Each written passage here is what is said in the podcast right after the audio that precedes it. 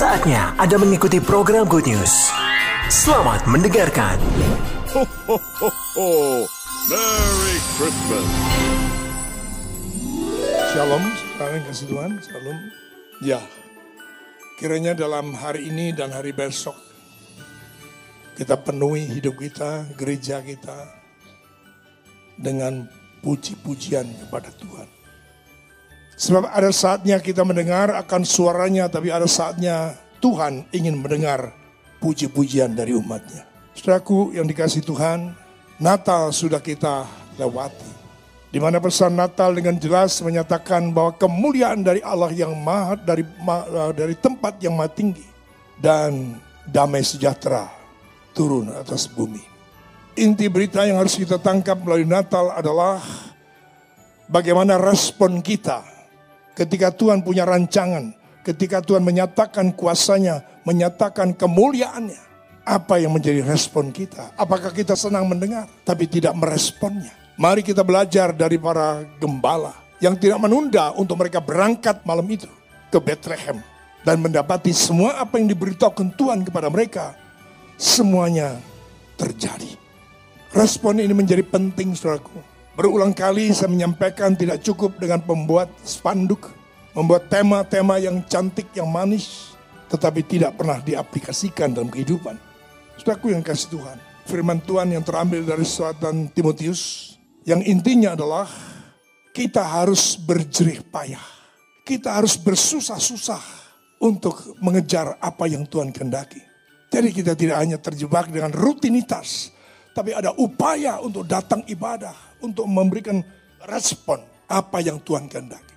Sebagaimana sering saya sampaikan bahwa ibadah hari-hari ini ke depan tidak pernah sama lagi dengan 5, 10, 20 tahun yang lalu.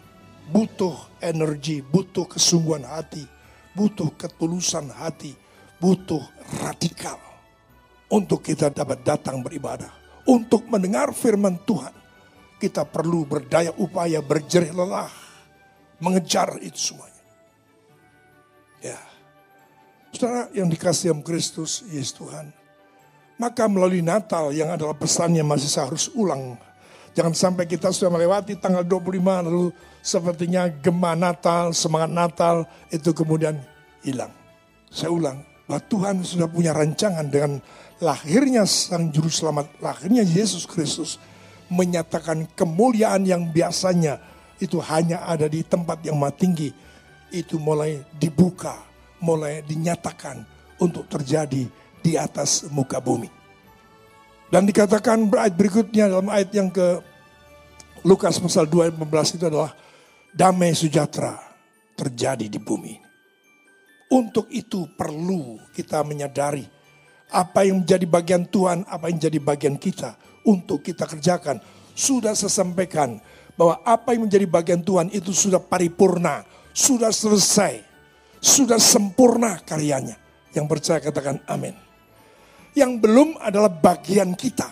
Untuk kita menerima, untuk kita berdamai, untuk kita menyatakan, memberitakan kepada seorang dan yang lain.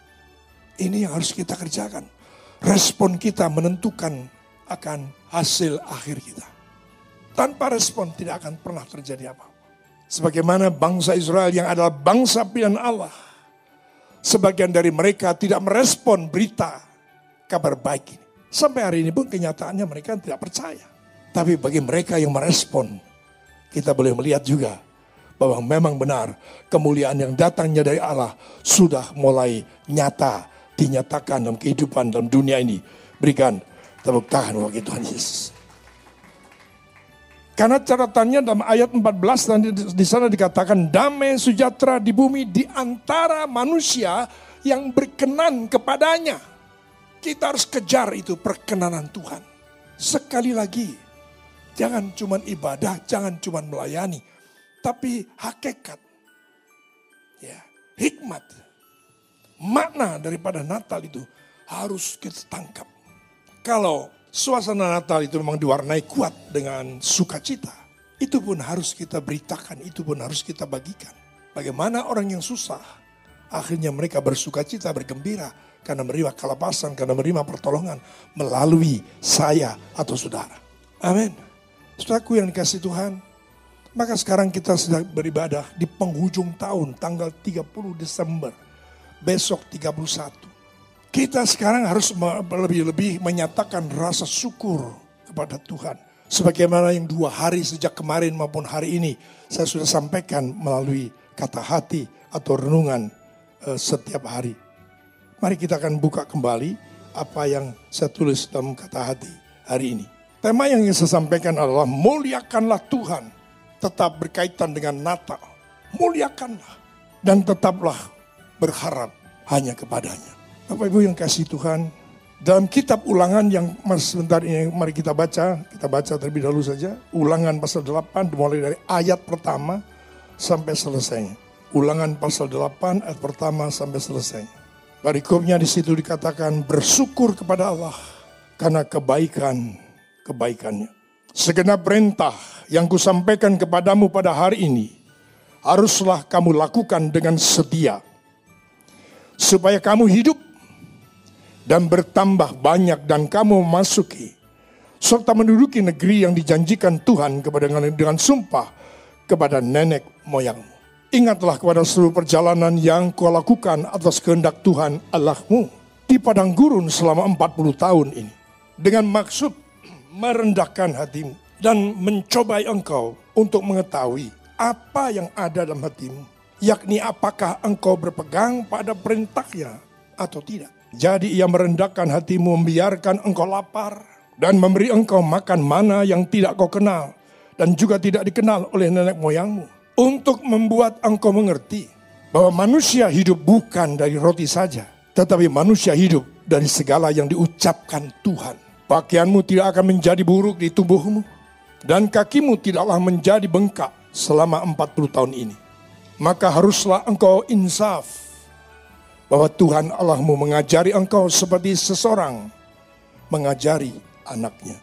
Oleh sebab itu haruslah engkau berpegang pada perintah Tuhan Allahmu dengan hidup menurut jalan yang ditunjukkannya dan dengan takut akan dia. Sebab Tuhan Allah membawa engkau masuk ke dalam satu negeri yang dalam, ke dalam negeri yang baik, suatu negeri dengan sungai, mata air dan danau yang keluar dari lembah-lembah dan gunung-gunung. Suatu negeri dengan gandum dan jelainya, dengan pohon anggur, pohon ara, dan pohon delimanya. Suatu negeri dengan pohon zaitun dan madunya. Suatu negeri di mana engkau akan makan roti dan tidak usah berhemat.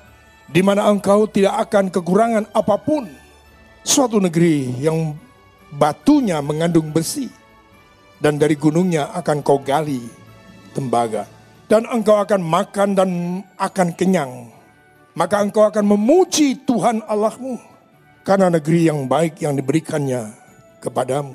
Hati-hatilah supaya jangan engkau melupakan Tuhan Allahmu dengan tidak berpegang pada perintah, peraturan dan ketapannya yang ku sampaikan kepadamu pada hari ini. Dan supaya apabila engkau sudah makan dan kenyang, mendirikan rumah-rumah yang baik serta mendiaminya, dan apabila lembu, sapimu, kambing, dombamu bertambah banyak, dan emas serta perakmu bertambah banyak, dan segala yang ada padamu bertambah banyak, jangan engkau tinggi hati. Sehingga engkau melupakan Tuhan Allahmu yang membawa engkau keluar dari tanah Mesir, dari rumah perbudakan. Dan yang memimpin engkau melalui padang gurun yang besar dan dahsyat itu. Dengan ular-ular yang ganas. Serta kala jengkingnya dan tanah yang gersang. Yang tidak ada air. Dan ia membuat air keluar bagimu dari gunung batu yang keras. Dan dari padang gurun engkau makan mana yang tidak kau kenal oleh nenek moyangmu, yang tidak dikenal oleh nenek moyangmu supaya direndahkannya hatimu dan dicobanya engkau hanya untuk berbuat baik kepadamu akhirnya. Maka janganlah kau katakan dalam hatimu, kekuasaanku dan kekuatan tanganku lah yang membuat aku memperoleh kekayaan ini. Tetapi haruslah engkau ingat kepada Tuhan Allahmu. Sebab dialah yang memberikan kepadamu kekuatan untuk memperoleh kekayaan dan dengan maksud dengan maksud meneguhkan perjanjian yang diikrarkannya dengan sumpah kepada nenek moyangmu seperti sekarang ini. Tetapi jika engkau sama sekali merupakan Tuhan Allahmu dan mengikuti Allah lain beribadah kepadanya dan sujud menyembah kepadanya, aku memperingatkan kepadamu hari ini bahwa kamu pasti binasa. Seperti bangsa-bangsa yang dibinasakan Tuhan di hadapanmu, kamu pun akan binasa sebab kamu tidak mau mendengarkan suara Tuhan Allahmu. Amin. Berbagai kita yang mendengar firman Tuhan di penghujung tahun. Firman penggembalaan, firman yang mengajar kita untuk bertindak lebih hati-hati di masa, di waktu yang akan kita jalani ke depan. Dan dipenuhkan hati kita dengan persembahan syukur kepada Tuhan. Karena kebaikan demi kebaikannya yang sudah Tuhan nyatakan dalam kehidupan kita. Saudara yang dikasih dalam Kristus Yesus Tuhan. Setelah kita mendengar kembali ringkasan apa yang menjadi pesan Natal bagi kita gereja Tuhan. Sekali lagi, pesan Natal ini bukan hanya pesan Natal untuk gereja di mana kita beribadah. Tapi pesan Natal ini disampaikan untuk seluruh gereja Battle Indonesia di dalam negeri maupun ke luar negeri, di luar negeri.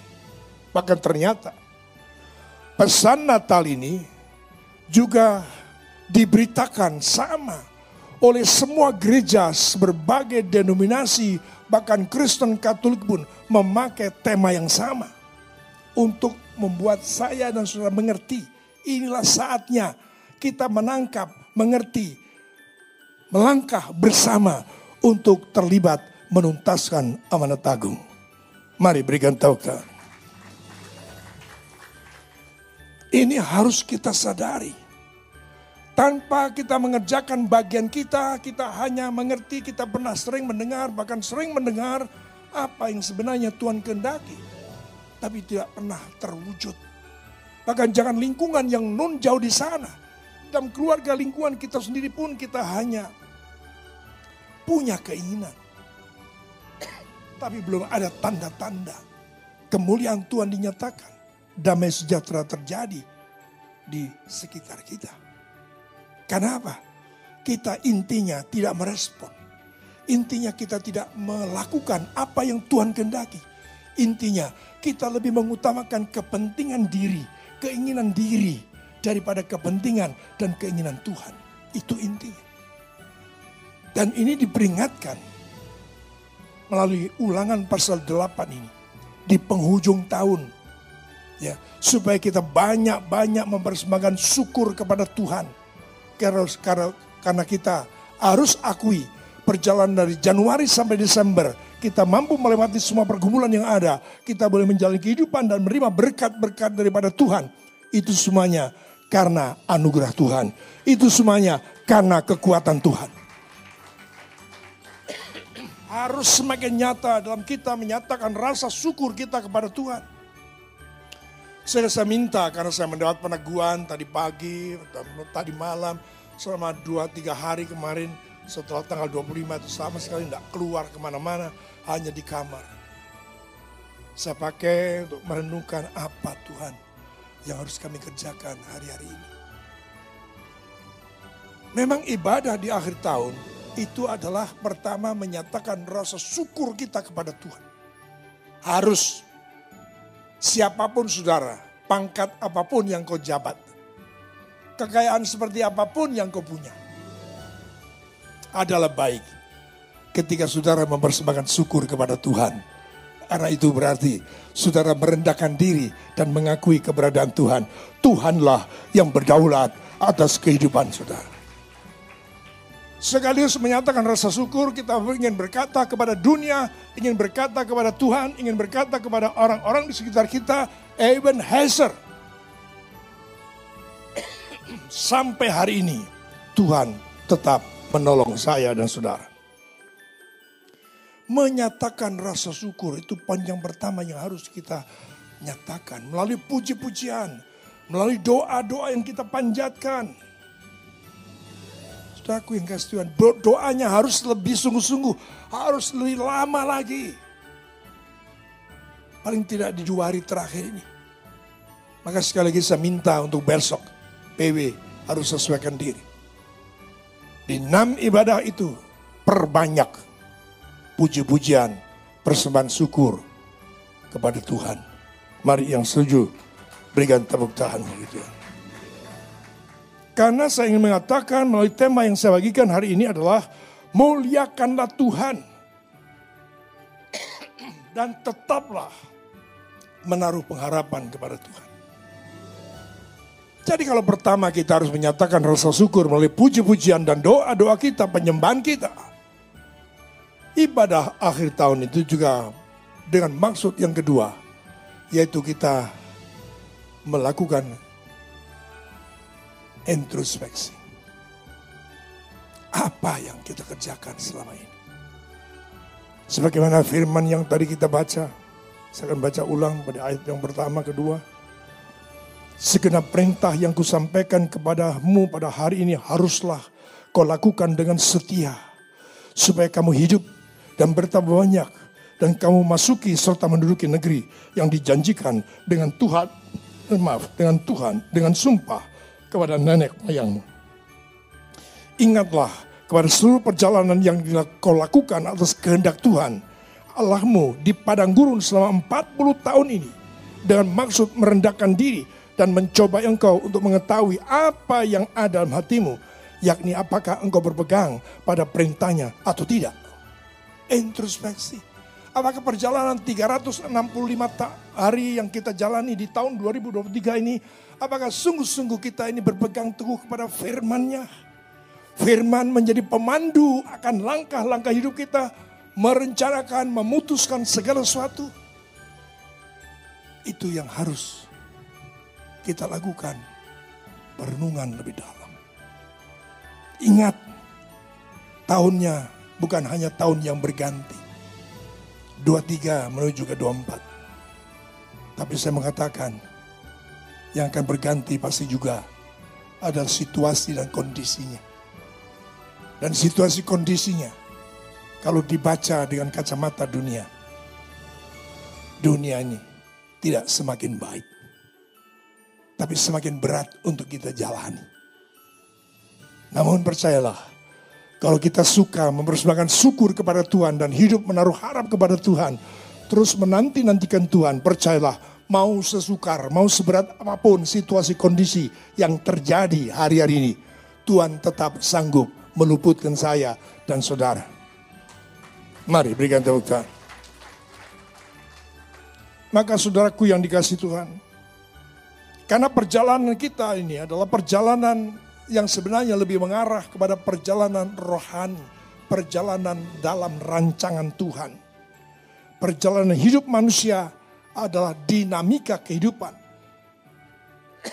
Perjalanan kehidupan manusia adalah suatu proses kehidupan. Namun harus kita mantapkan dalam rancangan Tuhan dari Januari 23, 23 sampai dengan Desember 23 itu semuanya adalah agendanya Tuhan. Apakah sungguh-sungguh hari demi hari yang kita jalani, mari kita renungkan, mari kita lakukan introspeksi.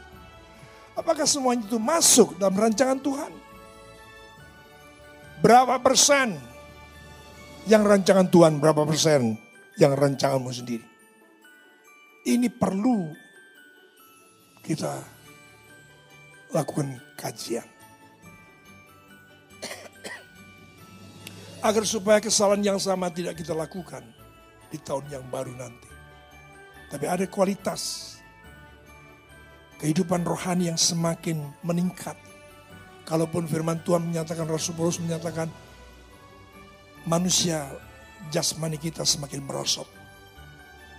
Tapi manusia batinnya kita, kita alami hari demi hari pembaruan dan pembaruan untuk menuju kepada keserupaan Kristus Yesus. Bapak Ibu yang dikasih dalam Kristus Yesus Tuhan. Jadi menyatakan syukur kepada Tuhan atas kebaikan-kebaikannya. Yang kesemuanya terjadi dalam kedaulatan Tuhan. Apa pun lah yang terjadi. Kalau sampai terjadi sesuatu peristiwa di bakalong langit. Bisa sudah katakan kalau tidak orang itu, kalau tidak saya begini, pasti tidak akan terjadi. Boleh saja silakan. Saya mau katakan, sak tanakmu. Tapi dalam pengertian yang benar, kalau itu sudah terjadi di bawah kolong langit ini, itu berarti seizin Tuhan. Itu artinya Tuhan yang berdaulat atas hidup kita. Tuhan yang berdaulat atas dunia yang sedang kita jalani bersama. Jadi pengertian di akhir tahun ini kita juga melakukan introspeksi dengan mengerti bahwa apa pun yang terjadi, seberapa besar prestasi, reputasi yang sudah kau buat selama ini, itu semuanya dalam kedaulatan Tuhan. Jadi yang berhak untuk menerima kemuliaan hanyalah Dia, Allah kita, Tuhan kita, Yesus Kristus Tuhan. Jangan sampai kedapatan saudara mencuri kemuliaan Allah. Terutama saya mau sampaikan khususnya bagi hamba hamba Tuhan. Secara khusus karena terlalu mudah hamba Tuhan itu mengklaim. Ya, bahwa itu adalah idenya, itu adalah inspirasi yang datang dari dia, dari dia. Karena itu yang dia yang melakukan. Sehingga diingatkan dalam ayat 17. Jangan sampai dalam hatimu kan berkata, oleh kekuatanku lah aku mendapatkan kekayaan ini. Jangan sampai itu ada dalam hatimu. Coba 17, oke. Okay. Janganlah kau katakan dalam hatimu, masih belum terucap. Kekuasaan dan kekuatan tanganku lah yang membuat aku memperoleh kekayaan ini. Jangan sampai itu muncul hati. Betapa introspeksi yang harus kita lakukan ini. Sungguh-sungguh akan membahas saya dan saudara sadar yang punya hak adalah hanya dia. Dia sumber segala hikmat, dan sumber segala pengetahuan, dan sumber segala kekuatan, dan sumber segala reputasi yang manusia bisa lakukan. Tepuk tangan yang panjang bagi Tuhan Yesus. Dialah yang berdaulat atas kita. Maka saudaraku yang dikasih yang Kristus, Yesus Tuhan Introspeksi berikutnya yang harus kita lakukan adalah sebagaimana yang dikatakan tadi, ingatlah akan seluruh perjalanan yang kau lakukan oleh karena kehendak Allah selama 40 tahun dalam padang gurun ini. Ingatlah. Apakah sungguh kita ini mengerti akan hikmat, maksud dan tujuan Tuhan mengizinkan adanya kesukaran dalam hidup? Kesukaran bukan hanya soal makan minum ya tapi pokoknya segala sesuatu yang terjadi yang tidak sesuai dengan keinginanmu. Itu bisa dikategorikan sebagai kesukaran. Dan kalau kita sungguh-sungguh percaya kepada Tuhan, maka termasuk kesukaran yang ada, itu juga Tuhan izinkan terjadi. Tapi ada tujuan dan maksudnya. Dikatakan dengan jelas, ya bahwa dalam ulangan pasal 8 ayat yang kedua, tolong tayangkan. Maka janganlah kau... Oh, Ingatlah kepada seluruh perjalanan yang kau lakukan atas kehendak Tuhan Allahmu di padang gurun selama 40 tahun ini dengan maksud merendahkan hatimu dan mencobai engkau untuk mengetahui apa yang ada dalam hatimu. Ya ini, apakah engkau berpegang pada perintahnya atau tidak? Introspeksi yang harus kita lakukan adalah apakah persukaran, masalah yang kau hadapi selama setahun ini telah membuat engkau berubah? Apa masih sombong? Apa masih masih congkak? Apa masih tinggi hati? Apa masih angkuh? Ya. Dan bahkan yang berikutnya dikatakan, apakah sungguh kita telah berpegang sejauh ini selama ada kesukaran, selama ada dalam penderitaan dan berjalan kehidupan sepanjang tahun ini, apakah saya dan saudara menempatkan firman itu sebagai panduan hidup, sebagai kekuatan, Bapak Ibu yang dikasih yang Kristus Yesus Tuhan.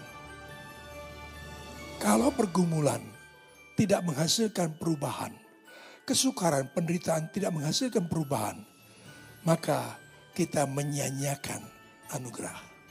Karena saya mau mengatakan, setiap pergumulan, setiap masalah, mau besar, mau kecil, mau sedengan, mau banyak, sedikit, mau banyak, saat kesukaran terjadi, di situ bersamaan juga anugerah Tuhan limpah turun atas kita. Tinggal apakah saudara memanfaatkan atau tidak. Jadi setiap kali masalah, pergumulan, persoalan, tantangan sekalipun, saat yang sama Tuhan juga menyediakan dirinya. Hadir saat itu juga. Tinggal apakah kita merespon atau tidak. Jadi kalau hanya pergumulan, hanya oh banyak sekali, sudah janur begini, saudara sakit, eh ternyata ah, suami saya di PHK. Terus, terus pergumulan cerita. Tapi ternyata endingnya yang bersangkutan tidak alami pembaruan. Lah, mesakno. Siapa sih kasihan? Ya Anda itu. Jadi kalau persoalan yang kau alami kecil, sedang, berat, sedikit, banyak, tidak masalah. Karena setiap orang ya ditetapkan oleh Tuhan mendapatkan pencobaan, mendapatkan persoalan tidak akan pernah melebihi kekuatanmu. Dan pada saat engkau dicobai, Allah buka jalan atas semua pergumulan yang sedang engkau lakukan, alami. Harus ada pembaruan, harus ada perubahan sikap.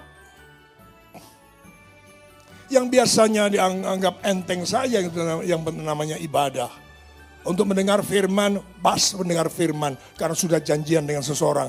Pas, puji-pujian selesai. Pas, kemudian berita firman, hamba Tuhan naik untuk memberitakan, dia pulang. Ini adalah bagian yang termasuk kategori som, sombong. Tidak ada penundukan diri. Jangankan terhadap Tuhan. Coba bayangkan. Saya diberikan kesempatan oleh Tuhan untuk pernah ketemu dengan bapak ini, bapak itu, direktur ini, direktur itu, atau wali kota, bupati, gubernur, sampai pada presiden sekalipun, berapa menteri, baik di kantornya, baik di rumahnya, untuk mingket itu saja saudaraku, itu rasanya nggak mungkin untuk saya lakukan. Ya, nggak mungkin. Untuk bergerak itu rasanya juga terbatas sekali. Ya, sementara kita ya ketika ibadah ataupun bahkan tidak datang. Besok minggu depan kan juga masih ada ibadah. Sudah aku yang kasih Tuhan. Dikatakan dalam yang di, dibagikan oleh Pak Dokter di pagi sesungguhnya adalah ibadah itu, apa, latihan badani itu perlu, tapi batas, terbatasku hanya. Tapi ibadah ini adalah mengandung janji. Jadi harus ada upaya, ada perjuangan yang lebih dari sekedar mau datang oleh karena mall itu menyediakan hadiah. Ya. Bahkan apalagi kemudian pembukaannya pendaftarannya harus pakai email dan sebagainya. Wah, begitu seriusnya untuk ngejar itu dapat slot untuk bisa hadir. Sementara ibadah tanpa begitu tidak terlalu diperhatikan. Apakah sungguh hati ini berpaut kepada Tuhan, kepada firman-Nya? Apakah sungguh firman Tuhan itu jadi panduan hidup kita? Dalam rangka introspeksi di penghujung tahun ini. Saudaraku yang dikasih yang Kristus Yesus Tuhan, kalau kita sungguh-sungguh menempatkan firman itu sebagai pemandu kehidupan saya dan saudara, itu namanya dijamin saudara inilah orang yang melekat bukan saja dekat, melekat kepada Tuhan. Dan hati yang melekat kepada Tuhan apa pun boleh terjadi. Tapi Tuhan sudah berjanji, aku akan meluputkannya. Berikan tepuk tangan bagi Tuhan Yesus. Jadi sebenarnya peristiwa pergumulan dan lain sebagainya pencobaan yang kita alami sebagaimana diungkapkan dalam ulangan pasal 8 ini sebenarnya memagari kehidupan saya dan saudara supaya jangan sampai kedapatan saudara itu sombong, congkak. Apalagi kecongkaan hanya oleh karena kekayaanmu. Apa artinya kekayaan? Kalau ternyata ujungnya kita binasa. Jangan sampai terjadi. Jadi Tuhan tuh memagari dengan caranya disadarkanlah kita bahwa sesungguhnya manusia itu hidup itu tidak hanya butuh roti, tapi butuh firman Allah. Itu yang dimaksud dengan damai sejahtera. Berikan tepuk. Bukan hanya kekayaan jasmaniah, tapi juga kekayaan rohaniah. Bukan saja pengenalan akan dunia, tapi lebih-lebih pengenalan akan Tuhan. Itu membuat saudara, yang artinya semua mengatakan orang Kristen apa tidak boleh kaya? Boleh. Ya, boleh. Tapi Tuhan pernah berfirman, apa artinya? Kalau semua dunia, isi dunia ini aku persembahkan kepadamu, aku berikan kepadamu. Tapi kamu tidak selamat. Apa untungnya? Apa hebatnya? Jadi bagian yang kita renungkan ini sebenarnya merupakan bagian atau langkah cara Tuhan untuk membahas saudara dan saya hidup dalam damai dan sejahtera. Sejahtera itu artinya secara fisik iya, tapi lebih-lebih secara rohani juga iya. Terpenuhi dua-duanya. Tepuk tangan lagi bagi Tuhan Yesus. Jadi saya katakan bahwa manusia itu tidak hidup dari roti saja, tetapi dari setiap perkataan yang keluar dari mulut Allah, dari setiap firman yang ada tercatat dalam Alkitab, baik PL maupun PB. Bapak Ibu yang kasih Tuhan, sehingga jangan sampai kita ini kemudian melupakan Tuhan. Kalau apa yang kita baca tadi kan melupakan Tuhan, kita dianggap menyembah Allah lain. Saya percaya mungkin itu tidak terjadi lah. Ya, sekalipun saya dengar di medsos itu ada mualaf mualaf katanya ada yang kemudian tinggalkan imannya karena pernikahan, karena pekerjaan, karena bisnis dan sebagainya. Ya silakan mereka begitulah. Tapi saya harap saudara dalam digembalakan dalam gereja Bethel Indonesia Diaspora Sejahtera tidak ada yang melakukan hal itu. Tapi saudaraku bukan saja sekedar hanya menyembah Allah lain meninggalkan Yesus Kristus. Tapi sebenarnya frekuensi atau kesungguhan hati saudara kemudian ber, menjadi kendor. Itu pun sudah merupakan satu penilaian di mata Tuhan. Itu yang paling dikhawatirkan oleh Tuhan ketika bangsa ini sudah masuk ke negeri perjanjian. Jadi kitab ulangan ini sebenarnya ulangan menjadi hukum yang berikut, hukum yang kedua, ulangan dari semua hukum yang pernah disampaikan selama perjalanan di padang gurun. Sebelum masuk diingatkan oleh Pak Musa. Hati-hati ya. Sebentar lagi kalian akan menduduki, akan tinggal di negeri yang limpah susu dan madunya. Jangan lupa kamu hidup dalam ikatan perjanjian dengan Tuhan Allahmu. Ingat itu. Karena orang yang mudah terserong itu hanya karena perubahan status ekonomi kita. Semakin diberkati, Tuhan sebenarnya itu bertujuan untuk itu. Tapi sering kali itu membuat kita terserong.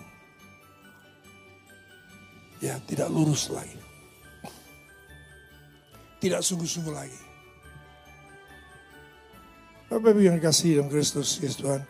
Saya juga mau katakan, ada memang yang hanya oleh karena kesukaran yang bertambah-tambah kita kehilangan pengharapan kepada Yesus Kristus. Tapi yang lebih potensial untuk kita berubah itulah orang-orang yang semakin kaya, semakin diberkati, semakin potensi begitu mudahnya untuk meninggalkan Tuhan. Dalam kesetiaannya, dalam ibadah, pembacaan firman Tuhan, dan berdoa, dan apa kerajinannya dalam beribadah maupun pelayanan. Itu tidak seperti semulanya. Sehingga dikatakan oleh Tuhan, kamu sudah kehilangan, kamu sudah jatuh kepada tempat yang paling dalam. Karena kamu kehilangan kasih yang mula, mula. Wahyu pasal 3.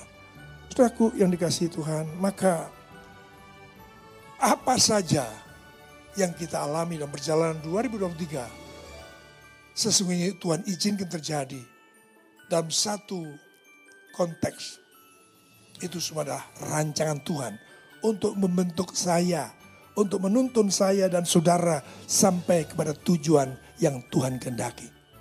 Tidak pernah keluar dari rencana Tuhan. Sekalipun hal yang tidak enak. Jangan sudah harap aja, wah baru sekarang mestinya ini kekristenan ini. Kita sudah sampai ya di tanah perjanjian. Ya, Sehingga dianggap yang lain itu masih di padang gurun. Tapi lupa terhadap ikatan perjanjian dengan Tuhan. Untuk apa engkau sampai di tanah perjanjian? Untuk apa engkau diberkati? Saya katakan sekali lagi, engkau diberkati. Engkau sampai masuk dalam tanah perjanjian dan menduduki tempat itu hanya untuk saudara bisa dipakai menjadi berkat bagi bangsa-bangsa.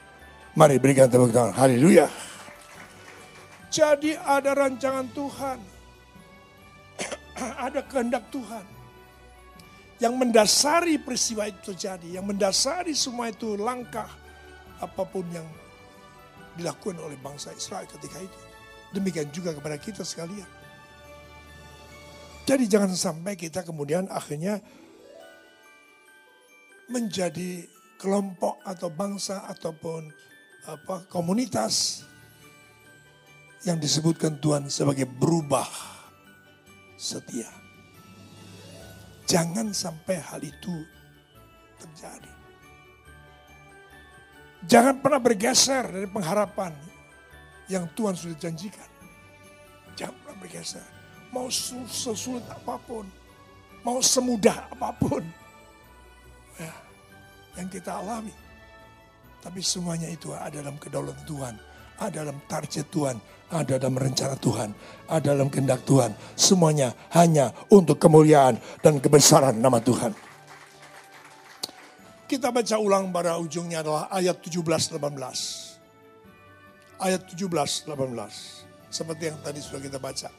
Maka janganlah kau katakan dalam hatimu, ingat bukan sudah berupa tindakan, bukan sudah berupa pernyataan, karena masih ada dalam hati hatimu. Tuhan tahu itu. Kekuasaan dan kekuatan tangankulah yang membuat aku memberi kekayaan ini. Yang tahu hanya saudara, yang tahu hanya Tuhan. Tuhan dan saudara yang tahu tentang ini. Jadi ayo kita lebih waspada, ayo kita lebih hati-hati. Jaga hati kita benar-benar. 18. Tetapi haruslah engkau ingat kepada Tuhan Allahmu. Sebab dialah yang memberikan kepadamu kekuatan untuk memperoleh kekayaan, kekuatan untuk memperoleh kekayaan dengan maksud dan maksud meneguhkan perjanjian yang diikrarkannya dengan sumpah kepada nenek moyangmu yaitu Abraham sampai seperti sekarang ini. Saudara tidak bisa lepas loh. Kalau saudara mengaku Yesus Kristus adalah Tuhan, saudara tetap akan disebut sebagai keturunan Abraham. Kalau sudah disebut sebagai keturunan Abraham, sudah terikat ikatan perjanjian Abraham dengan Allah. Siap untuk menjadi berkat bagi banyak orang. Mari berikan tepuk tangan.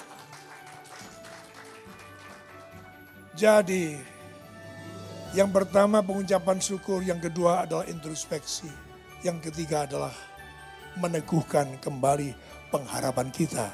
Kita mendengarkan firman di penghujung tahun, adalah yang ketiga adalah untuk meneguhkan kembali bahwa pertolongan saya dan pertolongan saudara hanya datang dari nama Tuhan yang menjadikan langit dan bumi. Pengharapan kita, pengharapan saya, pengharapan saudara hanya kepada Yesus Kristus Tuhan.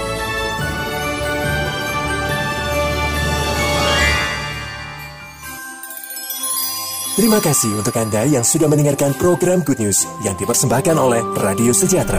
Untuk Anda yang rindu mendapatkan layanan konseling dan dukungan doa, silakan menghubungi hotline 0812 33 33 6392. Para konselor dan para pendoa Diaspora Sejahtera Caring Ministry siap untuk melayani Anda. Tuhan Yesus memberkati. Ho, ho, ho, ho! Merry Christmas!